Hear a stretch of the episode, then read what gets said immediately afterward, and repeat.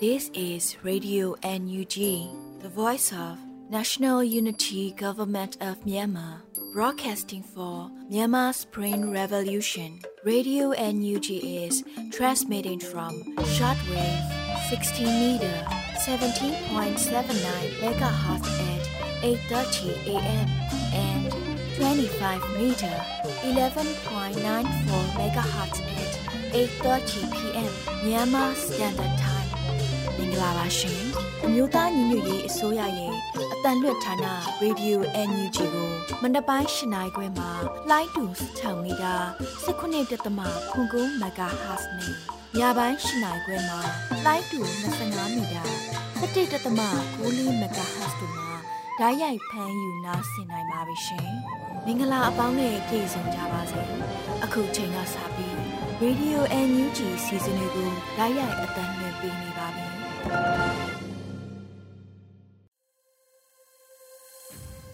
မင်္ဂလာမနေ့ခင်ပါခင်ဗျာရေဒီယို UNG သောတာရှင်များနဲ့တကွတော်လံပြည်သူပြည်သားအပေါင်းဘေးပရာဝေးကွာလို့ကိုရောစိတ်ပါကြမ်းမာကြပါစေကြောင်းရေဒီယို UNG ကဆုတောင်းမေတ္တာပို့တာပါရယ်ဒီကနေ့ဇန်နဝါရီလ28ရက်နေ့ရေဒီယို UNG ရဲ့မနေ့ပိုင်းအတန်လွှင့်စီစဉ်များကိုစတင်တော့မှာဖြစ်ပါတယ်ကျွန်တော်ကလွတ်လပ်နေပါခင်ဗျာ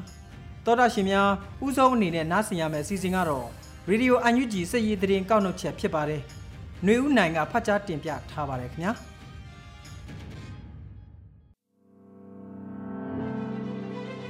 မင်္ဂလာပါခင်ဗျာအခုချိန်ကစပြီး2024ခုနှစ်ဇန်နဝါရီလ28ရက်နေ့မနက်ခင်းမှာတင်ပြပေးမယ့်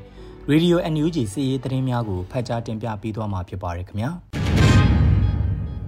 အခုပထမဆုံးတစ်ပုတ်အနေနဲ့ Federal Wind Drone တပ်ဖွဲ့မှ drone ပြန်တမ်းမောင်းတဲ့နီးများ drone တက်ဆင်နီးများကိုလွန်မြောက်နယ်မြေတနေရာမှာတင်နန်းပို့ချတဲ့တဲ့တင်ကိုတင်ပြပေးပါမယ်။ Federal Wind Drone တပ်ဖွဲ့မှ drone ပြန်တမ်းမောင်းတဲ့နီးများ drone တက်ဆင်နီးများကိုလွန်မြောက်နယ်မြေတနေရာမှာတင်နန်းပို့ချခဲ့တယ်လို့ဇန်နဝါရီလ29ရက်နေ့မှာပြည်သူ့ရဲတပ်ဖွဲ့ဌာနချုပ်ကအတည်ပြုဖော်ပြထားပါတယ်။ပြည်သူ့ရဲတပ်ဖွဲ့လုံခြုံရေးနဲ့အကြမ်းဖက်နှိမ်နင်းရေးဌာနကြီးမှ unit တစ်ခုဖြစ်တဲ့ SSTF MDY မှရဲဘော်များနဲ့ Numo Dictatorship People Defense Force NMD မှရဲဘော်များအား Federal Wing Drone တပ်ဖွဲ့မှ drone ပြန်တမ်းမောင်းနေနည်းများ drone တပ်ဆင်နည်းများ drop ဘုံချတဲ့နီးစနစ်များစတဲ့သင်ခန်းစာများကိုလွန်မြောက်နေမြေတနေရာမှာတင်နန်းပို့ချပေးခဲ့တယ်လို့ဆိုပါတယ်။တင်နန်းကာလမှာတလားဖြစ်ပြီးတော့ရဲဘော်20ဦးအောင်မြင်စွာတင်နန်းဆင်းနိုင်ခဲ့တယ်လို့သိရပါတယ်ခင်ဗျာ။ဆက်လက်ပြီးလက်နက်နဲ့တကွအလင်းဝင်ရောက်သူ9ဦးနဲ့ရေမပင်ခရိုင်တရင်28ကို ဂုံပြုငွေချီးမြှင့်တဲ့သတင်းကိုတင်ပြပေးပါမယ်။စလင်းကြီးမြို့နယ်ပြည်သူ့အုပ်ချုပ်ရေးအဖွဲ့ထံလက်နက်နဲ့တကွအလင်းဝင်ရောက်ခဲ့သူ9ဦးနဲ့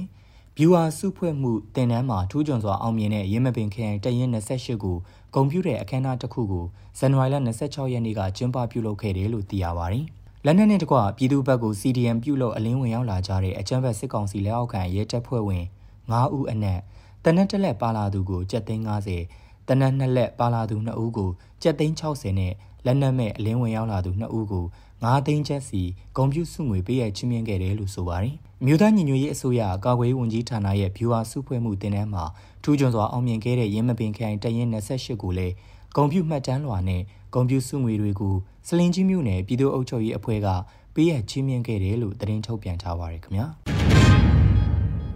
ဆက်လက်ပြီးမြိုင်မြို့နယ်ကန်နီပြူစောထီရွာရှိစစ်ကောင်စီစခန်းကိုလက်နက်ကြီးအလုံး250ခန်းဖြင့်ပြစ်ခတ်တိုက်ခိုက်တဲ့တဲ့တင်ကိုတင်ပြပေးပါမယ်။1029စစ်စင်ရေး3လပြည့်အဖြစ်ဇန်နဝါရီလ29ရက်နေ့မနက်9နာရီကစတင်ပြီးတော့မကွေးတိုင်းမြိုင်မြို့နယ်ကန်နီပြူစောထီရွာမှာရှိတဲ့စစ်ကောင်စီစခန်းကိုမြိုင်မြို့နယ်အတွင်းမှာရှိတဲ့ rocket အဖွဲ့25ဘွဲနဲ့လက်နက်ငယ်အဖွဲ့ drone အဖွဲ့များစုပေါင်းကတနာရီကျော်ကြာတဲ့အထိလက်နက်ကြီးများ rocket များနဲ့ ပြစ်ခတ်တိုက်ခိုက်ခဲ့တယ်လို့၎င်းတိုက်ခိုက်မှုကိုစီစဉ်ခဲ့သူတအူးကပြောပါတယ်။ကန်နီပြူစောထီရွာမှာစစ်ကောင်စီတပ်ကအင်အား90ခန်းဖြင့်အထိုင်ချတပ်ဆွဲထားပြီးတော့ခိုင်မာအားကောင်းတဲ့ဘန်ကာကရုတ်ချင်းများနဲ့ခံစစ်ပြင်ဆင်ထားတာကြောင့်တော်လိုင်းအင်အားစုများအနေနဲ့လက်နက်ကြီးများတာဝေးပြည့်ရော့ကတ်များနဲ့တိုက်ခိုက်နေရတာဖြစ်တယ်လို့ဆိုပါတယ်။အဆိုပါတိုက်ခိုက်မှုကို MPL တိုက်နယ်၄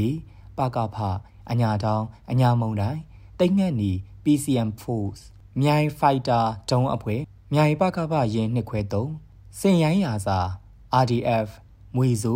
မျိုးကြီးနှလုံးလာလူမိုက်ထီရွဘာမတီဦးလေးကြီး MMK နန့်တာမြေရက်ခစစ် census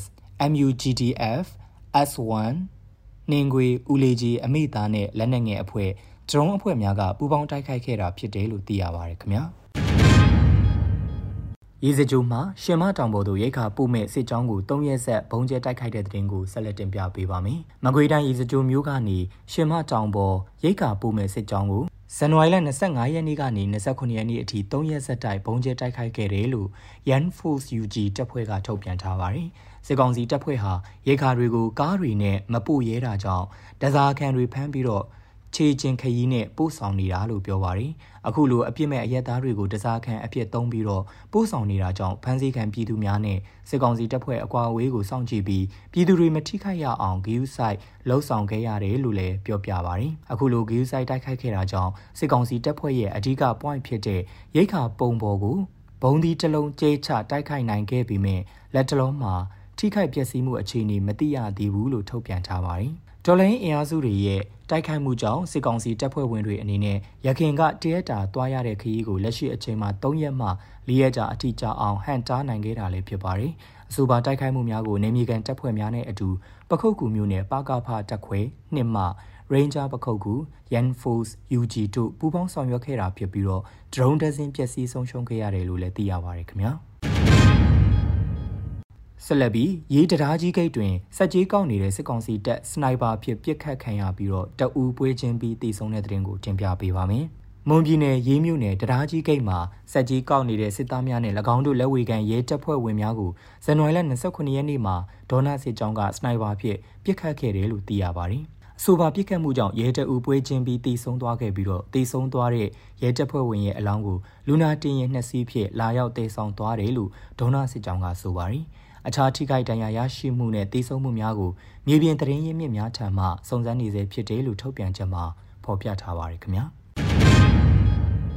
ဘူးတလင်စခန်းမှာထွက်လာပြီးတော့ကြေးရွာများအားမီးထွက်ရှို့လာတဲ့စကားစတက်များအား BOB တက်ရင်းနဲ့ပူးပေါင်းမဟာမိတ်အဖွဲ့များမှကြားဖြတ်တိုက်ခိုက်ခဲ့တဲ့တဲ့တင်ကိုတင်ပြပေးပါမယ်။ဘူးတလင်စခန်းမှာထွက်လာပြီးတော့ကြေးရွာများအားမီးထွက်ရှို့လာတဲ့စကားစတက်များအား BOB တက်ရင်းနဲ့ပူးပေါင်းမဟာမိတ်အဖွဲ့များမှကြားဖြတ်တိုက်ခိုက်ခဲ့ပါတယ်။ ဇန်နဝါရီလ29ရက်နေ့မှာစီရေးသတင်းကိုမုံရွာခရိုင်အမှတ်20တရင်ကအတိပေးဆိုထားပါတယ်။ဇန်နဝါရီလ24ရက်နေ့ဘူတလင်စခန်းမှထွက်လာပြီးကြီးရွာများအားမီးထွက်ရှို့လာတဲ့စကားဆများအား BOB တက်ရင်နဲ့ပူးပေါင်းမဟာမိတ်အဖွဲ့များမှကြားဖြတ်တိုက်ခိုက်ခဲ့တယ်လို့ဆိုပါတယ်။ထီထွေတိုက်ပွဲမှာစကားဆဘက်က2ဦးသေဆုံးပြီးတော့9ဦးဒဏ်ရာအပြင်းထန်ရခဲ့ကြောင်းကနဦးသတင်းရရှိထားပါတယ်ခင်ဗျာ။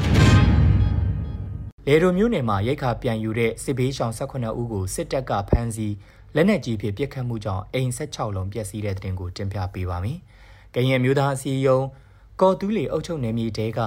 လေတူမြို့နယ်မှာရိတ်ခါပြန်ယူတဲ့စစ်ဘေးရှောင်ပြည်သူ18ဦးကိုစစ်တပ်ကအကြောင်းမဲ့ဖမ်းဆီးပြီးလက်နက်ကြီးတွေနဲ့ပစ်ခတ်ခဲ့တာကြောင့်ဒေသခံတွေရဲ့နေအိမ်16လုံးပျက်စီးခဲ့တယ်လို့ KNU ဗဟိုကထုတ်ပြန်ထားပါတယ်။အနမ်းဘော်ကြီးရွာကစစ်ဘေးရှောင်18ဦးဟာရိတ်ခါပြန်ယူဖို့အတွက်ရွာတွေကိုပြန်ဝင်ချိန်ဇန်နဝါရီလ20ရက်နေ့မှာဖမ်းဆီးခံခဲ့ရတာလို့ဆိုပါတယ်။ ဖမ်းဆီးခံရသူ18ဦးကိုအနမ်းပေါ်ကျေးရွာနဲ့ကုန်းချောင်းဝရွာကြားမှာရှိတဲ့အကြမ်းဖက်စစ်ကောင်စီတပ်ဖွဲ့ကဖမ်းဆီးသွားတာဖြစ်ပြီးတော့လက်ရှိအချိန်ထိပြန်မလွတ်သေးဘူးလို့သိရပါတယ်။ဒါအပြင်ဒေါ်သိန်းသိန်းနဲ့မောင်ဆန်းလင်းတို့တားအမိလည်းပျောက်ဆုံးနေတယ်လို့ KNU ဗဟိုကအတည်ပြုထားပါတယ်။ဒါအပြင်ဇန်နဝါရီလ25ရက်နေ့ည10:00နာရီခန့်အချိန်ကလည်းခမာယ300ခွန်တက်ရင်ကကျောင်းစုရွာတွေကိုလက်နက်ကြီးအလုံး30ကျော်ပစ်ခတ်ခဲ့တာကြောင့်အိမ်16လုံးမီးလောင်ပျက်စီးခဲ့တယ်လို့ထုတ်ပြန်ထားပါတယ်။ အလားတူကော်တူးလေအုပ်ချုပ်နယ်မြေတဲကတခုဖြစ်တဲ့ဘီလင်းမြို့နယ်မှာလည်းစစ်ကောင်စီရဲ့ခမာယ208တပ်ရင်းကဇန်နဝါရီလ23ရက်နေ့မှာလက်နက်ကြီးနဲ့ပစ်ခတ်ခဲ့တာကြောင့်အိမ်တလုံးပျက်စီးခဲ့ပါသေးတယ်ခင်ဗျာအခုတင်ပြခဲ့တဲ့စီးရီးသတင်းတွေကို Radio NUG သတင်းတောက်မင်းတီဟန်ကိုခန့်နဲ့မင်းစစ်သွေးတို့ကပေးပို့ထားတာဖြစ်ပါတယ်ခင်ဗျာ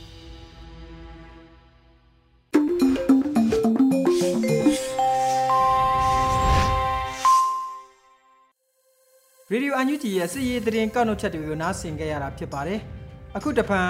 ຫນွေဥမိုင်ဖတ်ကြားတင်ပြမယ်ပြည်တွင်းသတင်းများကိုနားဆင်ရပါတော့မယ်ခင်ဗျာ။မင်္ဂလာပါရှင်။အခုချိန်ကစပြီးဇန်နဝါရီလ28ရက်နေ့မနက်ခင်းပြည်တွင်းသတင်းများကိုဖတ်ကြားပေးပါတော့မယ်။ကျွန်မကတော့ຫນွေမိုင်ဖြစ်ပါတယ်ရှင်။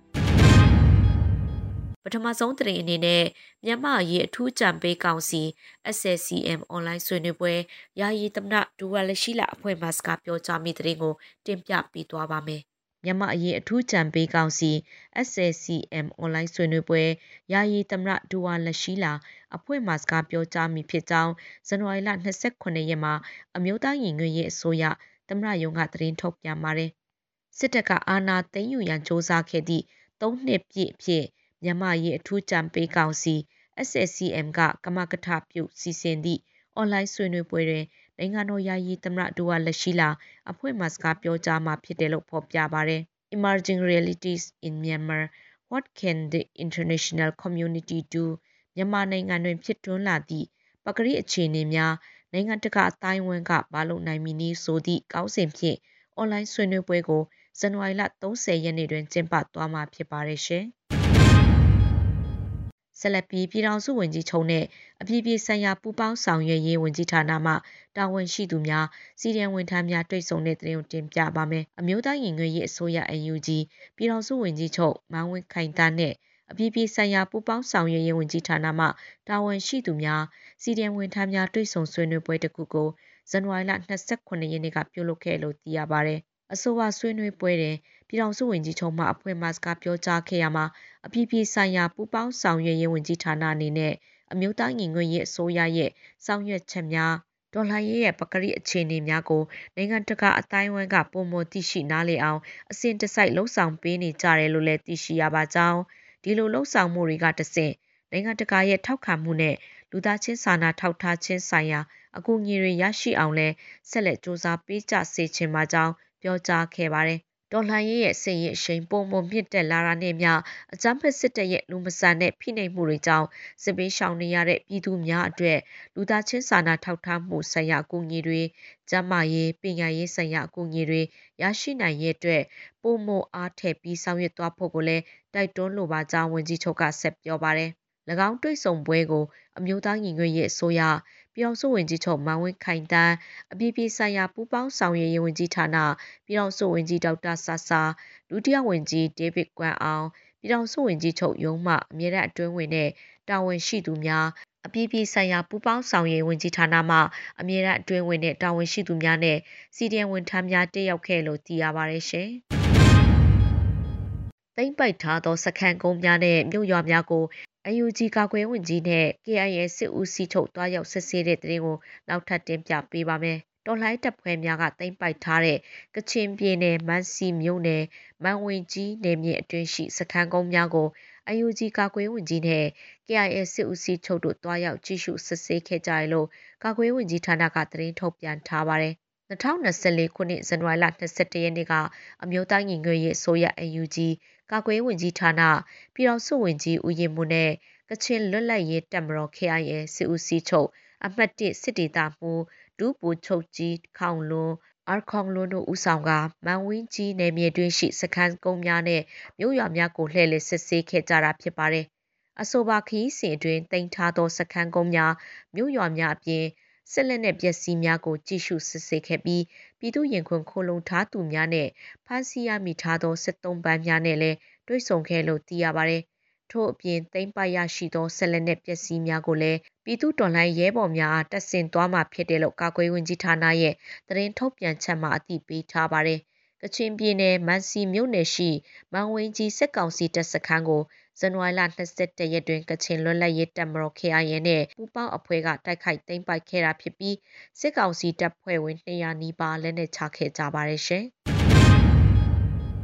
မလီတိုင်းလွှတ်တော်ကိုစားပြုကော်မတီလုပ်ငန်းညှိနှိုင်းစည်းဝေးတွင်တော်လှန်အင်အားစုချင်းချင်းယခုထက်ပိုမိုချိတ်ဆက်လှုပ်ဆောင်နိုင်ရေးတို့ဆွေးနွေးခဲ့တဲ့တင်ကိုဆက်လက်တင်ပြပေးပါမယ်။မလီတိုင်းလွှတ်တော်ကိုစားပြုကော်မတီ၏အပတ်စဉ်ပုံမှန်လုပ်ငန်းညှိနှိုင်းစည်းဝေးလေးမြင်းဆောင်2024ကိုဇန်နဝါရီလ29ရက်မှာကျင်းပခဲ့ပါတယ်။လုပ်ငန်းညှိနှိုင်းစည်းဝေးတွင်တက်ရောက်လာသောလွှတ်တော်ကိုစားပြုကော်မတီအဖွဲ့ဝင်များမှတပတ်အတွင်းဆောင်ရွက်ချက်များအားတင်ပြဆွေးနွေးခြင်း မလေးဖက်ဒရယ်ယူနစ်တွင်ဆောင်ရွက်ရမည့်ကိစ္စရပ်များဆွေးနွေးခြင်းပုံမှန်တွေ့ဆုံနေကြ CDM များနဲ့ဆက်လက်တွေ့ဆုံနိုင်ရန်တော်လိုင်းအင်အားစုချင်းချင်းယခုထက်ပိုမိုချိတ်ဆက်လှုပ်ဆောင်နိုင်ရေးတို့ဆွေးနွေးခဲ့ကြပါတယ်။အပတ်စဉ်ပုံမှန်လုပ်ငန်းညှိနှိုင်းစည်းဝေးသို့လွှတ်တော်ကိုစားပြုကော်မတီအဖွဲ့ဝင်များတက်ရောက်ခဲ့ကြပြီးအစည်းအဝေးကိုညနေ3:40မိနစ်တွင်ရပ်နားခဲ့လို့သိရပါတယ်ရှင်။ PNLO PNLA ကြီးညာချက်ကိုကြိုဆိုပြီးပူးပေါင်းဆောင်ရွက်မိဟုပအိုအမျိုးသားဖက်ဒရယ်ကောင်စီပြောတဲ့သတင်းကိုနောက်ထပ်တင်ပြပေးပါမယ်။စစ်အာဏာရှင်စနစ်ချုပ်ငိမ့်ပြီးဖက်ဒရယ်ဒီမိုကရေစီဖော်ဆောင်နိုင်တဲ့အထိဘဝတူမဟာမိတ်များနဲ့အတူဆင်နွှဲသွားမည်ဆိုသော PNLO PNLA ကြီးညာချက်ကိုထောက်ခံကြိုဆိုပြီးပူးပေါင်းဆောင်ရွက်သွားမှာဖြစ်တယ်လို့ ပို့အိုအမျိုးသားဖက်ဒရယ်ကောင်စီ PNFC ကဇန်နဝါရီလ29ရက်နေ့မှာထုတ်ပြန်ကြေညာလိုက်ပါတယ်။ PNO PNA ဟာတမိုင်းအစဉ်လာကောင်းရှိခဲ့ပြီးအကြမ်းဖက်ဆဲအုပ်စုရဲ့လိမ်လည်လှည့်ဖျားမှုများနဲ့အတင်းကျပ်ဖိအားပေးမှုတွေကြောင့်တော်လှန်ရေးအဖွဲ့အစည်းအဖြစ်ကနေပြည်သူစစ်အဖြစ်အတွင်ပြောင်းခဲ့ရပေမဲ့လက်ရှိချိန်မှာလူထုတော်လှန်ရေးကြီးနဲ့အတူပြန်လည်ပူးပေါင်းဆင်နွှဲကြဖို့ PNFC က၎င်းတို့ရဲ့ကြေညာချက်ကနေပန်ကြားထားပါတယ် ထို့ပြင်ပိုအိုလိုမျိုးအချင်းချင်းကြားပြိပခမဖြစ်စေရင် PNO PNA က ပူးပေါင်းဆောင်ရွက်ပေးဖို့လဲ PNFC က တောင်းဆိုထားပါတယ်။အကြမ်းဖက်စစ်အုပ်စုဟာပို့တိုင်းသားချင်းချင်းကြားပြိပခဖြစ်စေရင်ပို့တိုင်းသားတွေနဲ့ အခြားတိုင်းသားများကြား လူမျိုးရေးပြိပခဖြစ်စေရင်နီးမျိုးစုံနဲ့တရှုပ်ဖြိုခွဲနေတာကြောင့်ပိုးစီရတော်တန်ဃာတော်များနဲ့တကွ ပိုးမိဘပြည်သူများက ဝိုင်းဝန်းကာကွယ်တားဆီးပေးကြဖို့လဲ PNFC က ထုတ်ပြန်ချက်မှာ ဖော်ပြထားပါတယ်။ထို့ပြင်ကျန်းဖက်စစ်တပ်လက်အောက်မှာရှိတဲ့ စစ်ကောင်စီတပ်ဖွဲ့ဝင်တွေ ရဲတပ်ဖွဲ့ဝင်တွေနဲ့ ပြည်သူစစ်အဖွဲ့ဝင်တွေ ပြည်သူရင်ခွင်ကို ယုံကြည်စွာ ခိုလုံကြဖို့နဲ့ဗက်ပြောင်းလာသူတွေကို ကျင့်ဝတ်စည်းကမ်းတွေနဲ့ညီနှွေးထွေးစွာ ကြိုးဆိုကြဖို့လည်းတည်ပြီးထားပါတယ်။ ပြည်သူသားအမြင့်ပြည်သူသားဖဆိုတဲ့မူကိုကင်ဆွဲထားတဲ့တော်လှန်ရေးအဖွဲ့ဝင်များအနေနဲ့စစ်အာဏာရှင်နဲ့အပေါင်းပါတွေဖန်တီးနေတဲ့လူထုဆန့်ကျင်ရေးထောင်ချောက်မှာမကြရောက်စေရေးအထူးသတိထားဆောင်ရွက်ကြဖို့လဲ PNFC ကသတိပေးထားပါသေးတယ်။ရှမ်းပြည်နယ်တောင်ပိုင်းမှာပုတ်တော်လှန်အဖွဲ့တွေနဲ့အကြမ်းဖက်စစ်တပ်တို့ကြားစစ်ရေးတင်းမာမှုတွေကြောင့်တိုက်ပွဲတွေဖြစ်နေတဲ့အတွက်ပို့အုပ်လိုမျိုးချင်းချင်းကြားမှာပြိပခတွေမဖြစ်စေဖို့ပို့အုပ်မျိုးသားဖက်ဒရယ်ကောင်စီ PNFC ကအခုလိုထုတ်ပြန်လိုက်တာလည်းဖြစ်ပါတယ်ရှင်။ဆက်လက်ပြီးနှွေဦးထီ version 2.0ကိုအနာဂတ်ကံကောင်းခြင်းများရဲ့နမိတ်ကဏ္ဍခုနှလုံးနံပါတ်စဉ်စနစ်ဖြင့်လဲပတ်သွားမယ့်သတင်းကိုတင်ပြပါမယ်။နှွေဦးထီ version 2.0ကိုအနာဂတ်ကံကောင်းခြင်းများရဲ့နမိတ်ကဏ္ဍခုနှလုံးနံပါတ်စဉ်စနစ်ဖြင့်လဲပတ်သွားမယ်လို့သိရပါတယ်။ရခင်နှွေဦးထီမှာထီအပတ်စဉ်အပြင်ကဏ္ဍ၈လုံးနဲ့စုစုပေါင်း10လုံးဖွဲ့စည်းထားခဲ့ပါတယ်။ယခု version 2မှာတော့ အနာဂတ်ကံကောင်းခြင်းများရဲ့နမိတ်ကဏ္ဍခုနှလုံးနံပါတ်စဉ်စနစ်ဖြင့်လဲပတ်သွားမှာဖြစ်ပါတယ်။ပုဂ္ဂလိကကံကောင်းခြင်းအမိမြေအနာဂတ်ကံကောင်းခြင်းတွေကိုဖော်ဆောင်ပေးဖို့ကံကောင်းခြင်းလက်ဆောင်တွေကိုနှွေဦးချစ်သူတွေရဲ့ရှေ့မောက်ကိုမကြခင်ယူဆောင်လာပါတော့မယ်လို့ဆိုပါတယ်။မကြခင်ထွက်ရှိမဲ့နှွေဦးထီ website platform မှာထိုးဖို့အတွက် SDB အကောင့်ကိုလည်းဖွင့်နိုင်တယ်လို့သိရပါတယ်။အောင်လန်လွှင့်ချီနှွေဦးထီကိုလာဆင်ဖွင့်လှစ်ပေးလက်ရှိပြီး ရခင်အမြင့်ဆုံးစုကြီးကျပ်သိန်းတရာထိချင်းမြင့်ပေးခဲ့ပါတယ်ရှင်။လုံလောက်တဲ့စေဝါဆောင်ရှောက်မှုမရရှိရကြောင်းတလအတွင်းနိုင်ငံရေးအကျဉ်းသားလေးဦးထိတိတ်ဆုံးခဲ့တဲ့သတင်းနောက်ဆုံးတင်ပြပေးသွားပါမယ်။အချင်းထောင်တွေအတွင်းလုံလောက်တဲ့စေဝါဆောင်ရှောက်မှုမရရှိခဲ့တဲ့အတွက်ဇန်နဝါရီတလအတွင်းနိုင်ငံရေးအကျဉ်းသားလေးဦးထိတိတ်ဆုံးခဲ့ရလို့မြန်မာနိုင်ငံလုံးဆိုင်ရာနိုင်ငံရေးအကျဉ်းသားများကွန်ရက်မှဇန်နဝါရီလ26ရက်နေ့မှာတည်ပြီးထုတ်ပြန်ထားပါတယ် ပြီးခဲ့တဲ့ဇန်နဝါရီလ22ရက်နေ့တွင်မကွေးအချင်းထောင်မှတက္ကသိုလ်ကျောင်းသူတဦးနဲ့ဇန်နဝါရီ25ရက်နေ့မှာလည်းစကိုင်းတိုင်းအတွင်းရှိအချင်းထောင်တစ်ခုမှနိုင်ငံရေးအချင်းသားအမျိုးသားတဦးလုံလောက်တဲ့စေဝါဆောင်ရှောက်မှုမရရှိလို့ထပ်မံသေဆုံးခဲ့ရတာဖြစ်ပါတယ်ပြီးခဲ့တဲ့ဇန်နဝါရီလအစောပိုင်းတုန်းကမွန်ပြည်နယ်ကြိုက်မရောအကျဉ်းထောင်မှာနိုင်ငံရေးအကျဉ်းသား2ဦးလုံလောက်တဲ့စေဝါဆောင်ရှောက်မှုများရှိခဲ့တဲ့အတွက်သေဆုံးခဲ့ရပြီး အခုနှစ်ဦးထပ်မံသေဆုံးခဲ့တဲ့အတွက်ဇန်နဝါရီလအတွင်းသေဆုံးခဲ့တဲ့နိုင်ကျင်း၄ဦးထိရှိလာပြီဖြစ်တယ်လို့သိရပါတယ်။အရင်နှစ်2023ခုနှစ်တစ်နှစ်အတွင်းမှာနိုင်ငံရေးအကျဉ်းသား18ဦးထိကျန်းမာရေးမကောင်းရာမှာလုံလောက်တဲ့ဆေးဝါးဆောင်ရှောက်မှုများရှိတာဆေးမာထိုးမိတာတွေနဲ့သေဆုံးခဲ့ပြီးကျန်းမာရေးအခြေအနေဆိုးရလာတဲ့လူနာတွေကိုလည်းပြင်ပဆေးရုံကိုအချိန်မီမပို့ဆောင်ပေးခဲ့တာတွေကြောင့်သေဆုံးခဲ့ရပါတယ်။ ထို့ပြင်စစ်ကောင်စီတပ်ကအကျဉ်းထောင်တွင်နိုင်ငံရေးအကျဉ်းသားများတေဆုံးမှုတရင်များထောင်ပြင်ပကိုပေါက်ကြားပါကနိုင်ချင်းများရဲ့မိသားစုဝင်များနဲ့နှိဆက်သူများအားဖမ်းဆီးအရေးယူရန်ညွှန်ကြားထားတယ်လို့လည်းမြန်မာနိုင်ငံလုံးဆိုင်ရာနိုင်ငံရေးအကျဉ်းသားများကွန်ရက်ကဆိုပါတယ်။၎င်းတို့ကွန်ရက်ကကောက်ယူထားတဲ့စေးများအရ2023ဇန်နဝါရီလမှစတင်ပြီး2024ဇန်နဝါရီလဒီနေ့ထိနိုင်ငံတော်ဝန်ရှိအကျဉ်းထောင်များမှာနိုင်ငံရေးအကျဉ်းသား22ဦးထိ စေဝါဆောင်ရှောက်မှုလုံလောက်စွာမရရှိတာကြောင့်တည်ဆုံးခဲ့ရလို့သိရပါတယ်ရှင်အခုတင်ပြခဲ့တဲ့သတင်းတွေကို Radio UNG သတင်းထောက်မင်းတီဟာကိုခန့်နဲ့မင်းစစ်သွေးတို့ကပေးပို့ထားတာဖြစ်ပါတယ်ရှင်။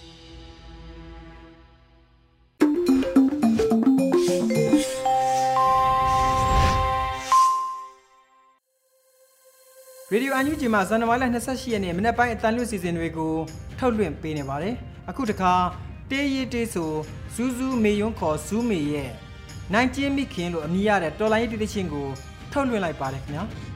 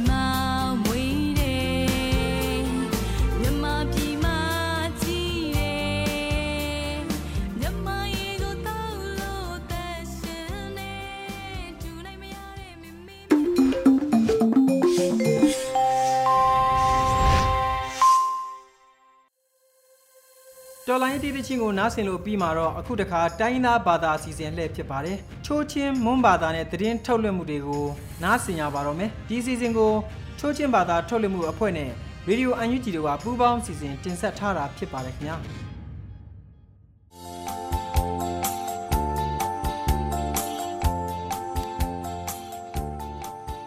ဖွေးနာတူနမရိုင်နော်အတူငွယ်ခုကုမ်ဖရမ်ကူလမ်ကူလိကဖြီဇန်နဝါရီဖိချာငကုလိခရင်ဟ um thuri minga bakhani atung ma minga bang thuru le ju mizoram khu leng pui e botung angkri suya khan yong tumat ang don na op ki ji mo juti ang hi na le ju mizoram khu la myama khu ning la ku ruvong pian na op kha ji ya india asuya dengkan op lo mo ki minga ba op ki ni juti ak thum na le ju malaysia khu yam deng min chi min da mang rong ka khyang sim ka suk ki ji mo ak thi na le ju ctm ri American khutung kano ang khaina op khajia NUCC no prenamong ni atungoi ashim kano minga khani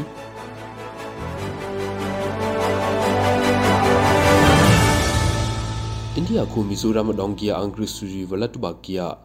khanyung tuma leju January picture ngulik thum khongwa dunga lengbui airport angdona opkini angri suya khanyung leju kyoko blewa mang royung kano Mizoram khudong kia angri suri walatuba khaya juna sena kung angdota kya kini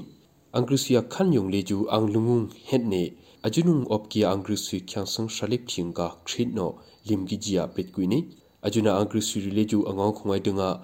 khanyung tumadon amlak lo tuba omne january picture ngulik thum hum ngdenggia khanyung phi india khu so ya dengno temkina op khajemo phana opkini adu bei khogum phram gulam gulik thum november black khyang gano dune khogum phram gulam ngulik thi ang do deng khida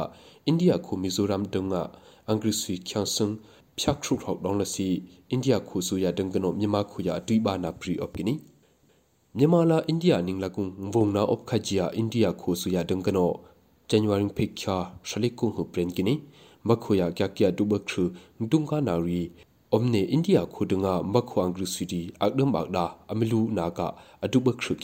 ထဒုံကနာရီအ omne india khudunga makhu angru sidi akdam bagda amilu naga adubak khru khinu india khudunga no aprin lo ka kini ajuna monglam riong pa sili ju mizoram khu wanjik tung tung gan phi india no abi lo vai kya gung ngami tung gan no ma na hing kom khai chia aprin na op kini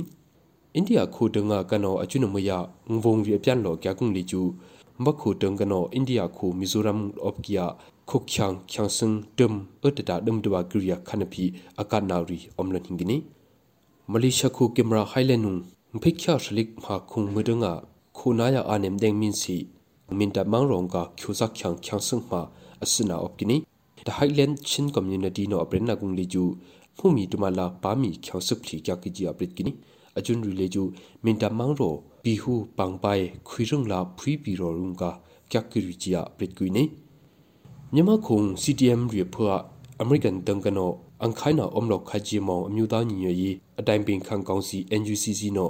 aprina opkini atubei january akrung ambia ctm ring hung khung na ka nila khanu achuna aprini achuna khan leju american president joe biden nabi beina omne American khodang kano aye monglam ri ang khaina vaila ayi hum abe vai chi le jo ame prenna phakop kini angri sino ana rubri kona myama khokrung CTM kya khyang le ju khyang sung de phigi beta dum duwa gi ji mo ningam the tu ne adu ngoi mthu mi nga le ju shimbang kya khani မြန်မာခုကရုံလာချိုခုံနမပကချိုဆက်ချန်ဘန်အယုတီစီနာအငိုင်းနာရီအယုမိုက်ဆိုဂျီယာရှင်ကနောပလူနီနုပါဖိနာဘန်ရိုင်းနံဘာခကုမ်တန်စီမဘခိုယုံခင်လုပွိုင်ရီဖွာခင်အဒမ်အစနာအလင်နာအပကိနီလေမိုင်းစလာကက်ဆက်ထေကခင်လုံရီလေဂျူအန်လုံကဒန်ဦးနေအန်ရှိုအဂလမ်အကလုံ akhang ambutchia aming khrana opkini le mainsla khengluk pa rileju ajaw aming tungka nak mana amhun riyung atuk ba khru aming tungka nak amhun riyung huning ne ajun riya hunung rok akya gung khengluk pa riju aiya kya uno chia ngai na wai thukhai ni kek sakthi kia khengluk pa rila le mainsuri yap na ruruna sungon tauna miyom khina ri kabi vai ngơ vaya akduma kek the u ne khyang ri amilin vai amin hun amai vaya kyak sak hingini nanga om naka pe yunga ngơ vaya achun moi moi ri nuhu akya kung ahi khyanga namthin tu vai chuna ga gene nanga phoping ơ vai ka kya hang le ju bai nak tumat bine achuna monglam ri mzi kya ang buma namthin vai ဒီကနေ့ကတော့ဒီညနေပဲ Radio NUG ရဲ့အစီအစဉ်လေးကိုခေတ္တရ延လိုက်ပါမယ်ရှင်မြန်မာစံတော်ချိန်မနေ့၈နိုင်ခွဲနဲ့ည၈နိုင်ခွဲအချိန်တွေမှာပြောင်းလဲဆိုပြကြပါလို့ရှင် Radio NUG ကိုမနက်ပိုင်း၈နိုင်ခွဲမှာလိုင်းတူ16မီတာ19.7မဂါဟတ်နဲ့ညပိုင်း၈နိုင်ခွဲမှာလိုင်းတူ25မီတာ17.6မဂါဟတ်တို့မှာဓာတ်ရိုက်ဖမ်းယူ နာဆင်နိုင်ပါပြီရှင်မြန်မာနိုင်ငံသူနိုင်ငံသားများကိုစိတ်နှဖျားစမ်းမချမ်းသာလို့ဘေးကင်းလုံခြုံကြပါစေလို့ Radio NUG ရဲ့ဖွဲ့သူဖွဲ့သားများကဆုတောင်းလိုက်ရပါတယ်။ San Francisco Bay Area အခြေစိုက်မြန်မာမိသားစုများနဲ့နိုင်ငံတကာကစေတနာရှင်များလိုအားပေးများရဲ့ Radio NUG ဖြစ်ပါတယ်ရှင်။အရေးတော်ပုံအောင်ရမည်။